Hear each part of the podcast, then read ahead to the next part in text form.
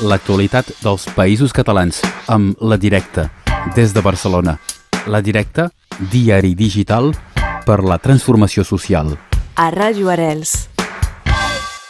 Tenim amb nosaltres avui la Gemma Garcia. Bon dia, Gemma. Bon dia. Començarem eh, parlant d'un dels fets de, de la setmana, la, la commemoració del Tractat dels Pirineus doncs, de, del 7 de novembre. Exacte, no? aprofitant que ha sigut la Diada de Catalunya Nord aquest dilluns 7 de novembre, hem publicat a la web de la Directa un article de Michel Boguin, que és autor del llibre La partició de Catalunya, història rocambolesca del Tractat dels Pirineus 1658-1660, i en aquest article Boguin fa un repàs històric del que va significar i el que va ser el Tractat dels Pirineus, que com ja sabeu es va firmar el 7 de novembre del 1659, no? per aquesta raó celebra la Diada, la Diada Catalunya Nord el 7 de novembre, i que es va signar entre Espanya i França i que va posar fi justament a la Guerra dels 30 anys, però ell entra en aquest, en aquest tractat no? I, i especifica que va exemplificar precisament la divisió actual no? que, que hi ha en de, de territori català entre Catalunya i Catalunya Nord, però Boguén especifica que, contràriament a la creença popular, el Tractat dels Pirineus deixava tota la Cerdanya a Espanya, però que després va haver un, un acord a posteriori, a la primavera de l'any següent, que sí que, que va donar sortida no, a la situació actual que hi ha. Per què? Perquè es va arribar a un acord que 33 pobles passessin a mans de França. No, la vall de Carol eren tres dels pobles, eh, i per tant finalment es va signar el conegut com a Tractat de Llívia el 10 de novembre de 1660, no? però bueno, que va ser aquest acord a posteriori el que va fer que al final donés lloc a la divisió actual i Boguent parla d'una partició que, que va ser dut a terme gràcies a un abús de poder i que, i que realment no, doncs, hi ha gent que ara està sota administració francesa que se sent catalana, no, com a Catalunya Nord, i que és fruit d'aquest abús de poder. I especifica amb la Cerdanya, no, on moltes famílies van quedar dividides i separades per una frontera. I el cas mm, específic, Aquest... evidentment, de, de Llívia també. Exacte, exacte. El cas específic de, de Llívia també l'exemplifica en aquest tractat de Llívia que es va signar el 10 de novembre de 1660. I, de fet, acaba una mica no, dient, bueno, i arran d'això, eh, diguéssim, a partir de l'any 1984 es va crear la, per primera vegada el Comitè 7 de novembre, que va convocar la primera manifestació per denunciar la signatura d'aquest tractat amb el lema històric Esborrem el Tractat dels Pirineus, no? que més o menys és una iniciativa que, com sabeu, ha continuat fins l'actualitat amb, amb un buit durant els anys 90, però que cada any no se surt al carrer per criticar l'establiment d'aquesta frontera. Aquest és un dels temes que, que tracteu a, a la web directe.cat.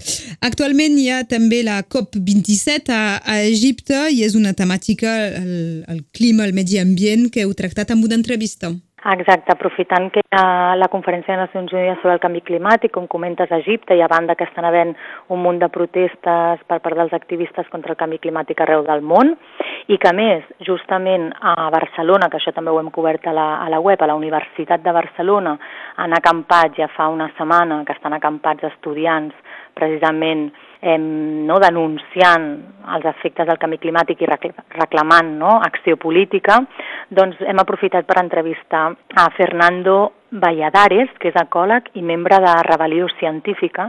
Rebel·lió Científica és un col·lectiu de persones que pertanyen a la comunitat científica i acadèmica i que el seu objectiu és denunciar l'acció política davant de la crisi climàtica.